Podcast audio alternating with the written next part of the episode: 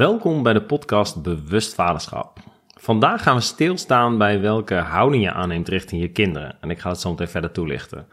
En door te gaan herkennen welke houding je aanneemt, kan je ook gaan shiften naar een wat handigere houding. Dus ja, je kan bijvoorbeeld over je kinderen zeggen: hey, ze werken ook nooit mee. Of ze moeten ook altijd mij hebben, ze zijn altijd lastig. Of dat je bijvoorbeeld zegt: Ik wil alleen maar helpen hoor. Of dat je constant zegt, ja, het komt helemaal goed, ik ga het regelen. Of de derde variant, had je dat niet even kunnen doen? Had je niet even je bordje op kunnen ruimen?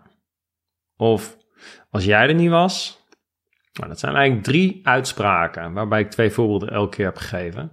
En in welke uitspraak herken jij jezelf het meeste? Ik ben nieuwsgierig. En vandaag wil ik je dus met je gaan hebben over het herkennen waar je zit met je houding richting je kinderen. En hoe je de shift kan maken waardoor de communicatie en de samenwerking weer beter gaat. En dat zaken weer soepel lopen thuis. Van simpele dingen als je bordje opruimen of je vraagt om de iPad weg te doen of te luisteren naar elkaar. Eh, en deze methode heet de drama-driehoek van Steven Karpman. En deze driehoek kenmerkt zich door het feit dat we als ware gevangen zitten in een relatie met de ander, in dit geval je kind.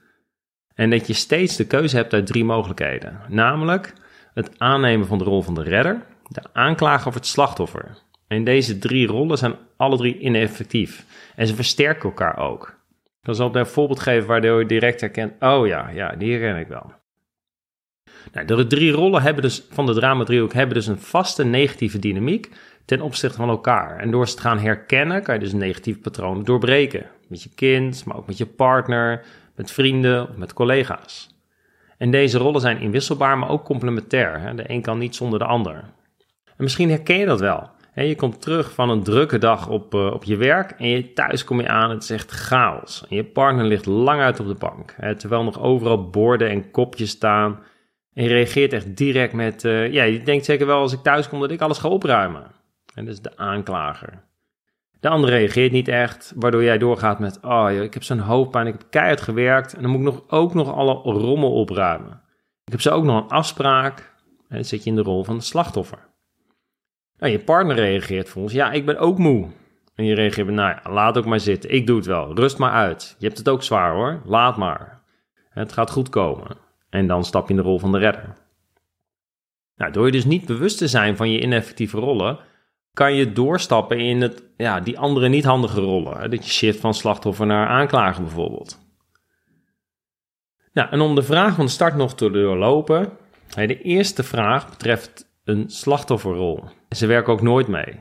Oh, je legt het eigenlijk buiten jezelf. Het leven overkomt je. En vaak vinden mensen het ook niet leuk om te horen dat ze in de slachtofferrol zitten, maar wel belangrijk om te gaan herkennen. het tweede is, ik wil je alleen maar helpen hoor. Dit hoorde ik mezelf wel eens zeggen als mijn kind heel boos was en ik hem wilde helpen. En dan ging hij boos tegen mij doen. En dan zei ik, ja, ik wil je alleen maar helpen hoor. Nou, het was eigenlijk een belangrijk signaal dat ik hem niet kan redden op dat moment van zijn boosheid. En dat ik soms gewoon ja, mag accepteren dat hij gewoon even boos is. En dat ik dat niet direct hoef te fixen. Vaak is dat ook ongevraagd. Nou, de derde is, had je dat niet even kunnen doen, hè? je bordje opruimen? Nou, hiermee ben je aan het aanklagen. Je verwijt je kind iets. Nou, ik kan me voorstellen dat je een rol herkent of zegt nee, ik herken het eerlijk gezegd niet.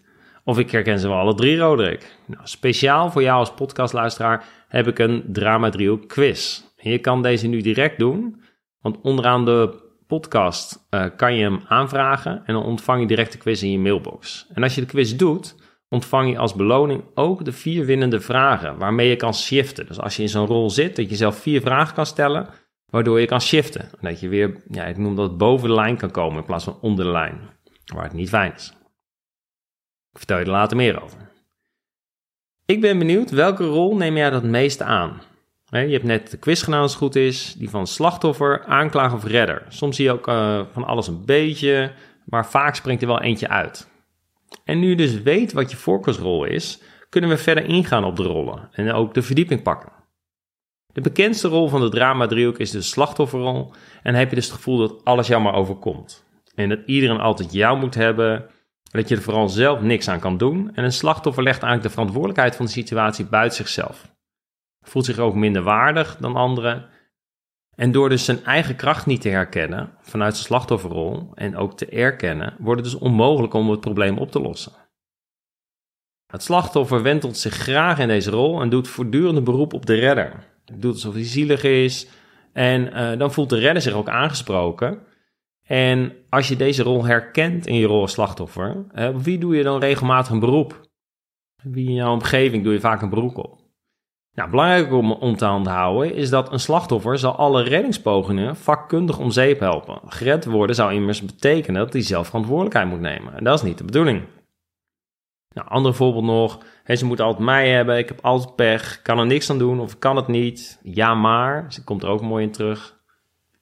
Zo kunnen dus ook je kinderen je gaan redden.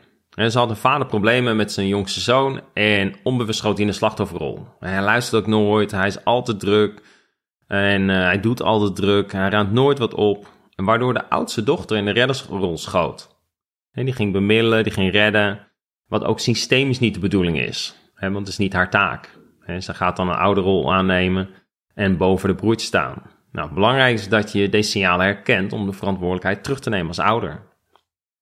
En de redder, dat is eigenlijk de volgende rol, die biedt graag veel en ongevraagd hulp. Hij voelt goed aan als, andere, als hij anderen dus kan helpen of zelfs redden.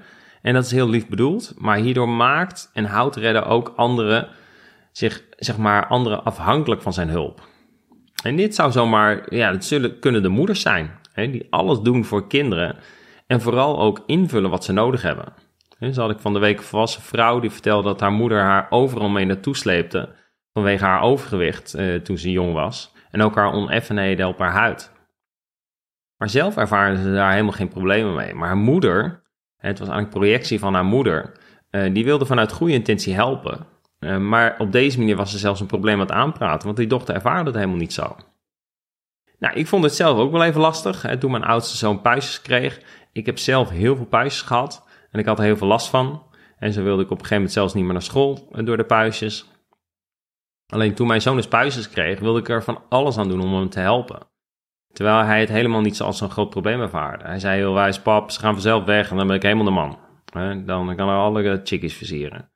Nou, nu kies ik ervoor om, hè, want ik werd, was er dus bewust van, om mezelf wel te informeren. Ook te kijken wat je eraan kan doen. En om het te minimaliseren. Maar de keuze laat ik gewoon bij hem, wat hij ermee wil. Als hij er klaar voor is, kan hij wat mee doen. En zo niet, is het ook prima. Zo word ik meer een helper in plaats van een redder. Nou, kortom, de redder denkt, voelt en handelt voor de ander zonder dit eerst te checken. Hij doet dus ook aannames, een mooie signaal daarvoor. En hierdoor bevordert hij de passiviteit van de ander en maakt zich uiteindelijk onmisbaar, ontleed hier ook staats- en identiteit aan. Een ander signaal is dus dat je dus heel hard aan het werk bent en op een gegeven moment dat de ander dus passiever wordt. En waarschijnlijk ga je daar uiteindelijk aan irriteren en dat de ander niks doet. Nou, deze rol kan je bijzonder veel energie kosten. En inderdaad, als je op een gegeven moment dus niet gehoord wordt, de redder, dan kan je dus doorschieten naar de aanklaarsrol. En dit is ook de collega die altijd zegt, maar ja, ik doe het wel, ik pak het wel op. Nou, de aanklager is eigenlijk de volgende rol, is eigenlijk degene die altijd boos reageert, verwijten maakt en bestraffend klinkt. Hij voelt zich beter dan de ander, superieur, en dit is ook de alwetende ouder. Een aanklager is iemand die andere mensen naar beneden haalt, ze kleineert. En denk daarbij ook aan de communicatieblokkades, hè, waar dus kleineren is daar één van. En dan stopt ook de communicatie met je kind, dan is er geen verbinding meer. Kan je hem dus ook niet meer beïnvloeden. Nou, anderen gaan zich schuldig voelen door het aanklagen en zelf geeft hem een gevoel van eigenwaarde. Het levert hem dus wat op. Hij voelt zich groter. Hij reageert niet in het belang van zichzelf of de ander. En de basisemotie is boosheid. En de boosheid kan zich richten op zowel de redder als het slachtoffer. Nou, voorbeelden daarvan is: hey, had je niet even uit kunnen ruimen hè, met vaatwasser? Of je snapt er echt niks van, hè? En als jij er niet was, en kijk eens wat je hebt veroorzaakt. Allemaal verwijten.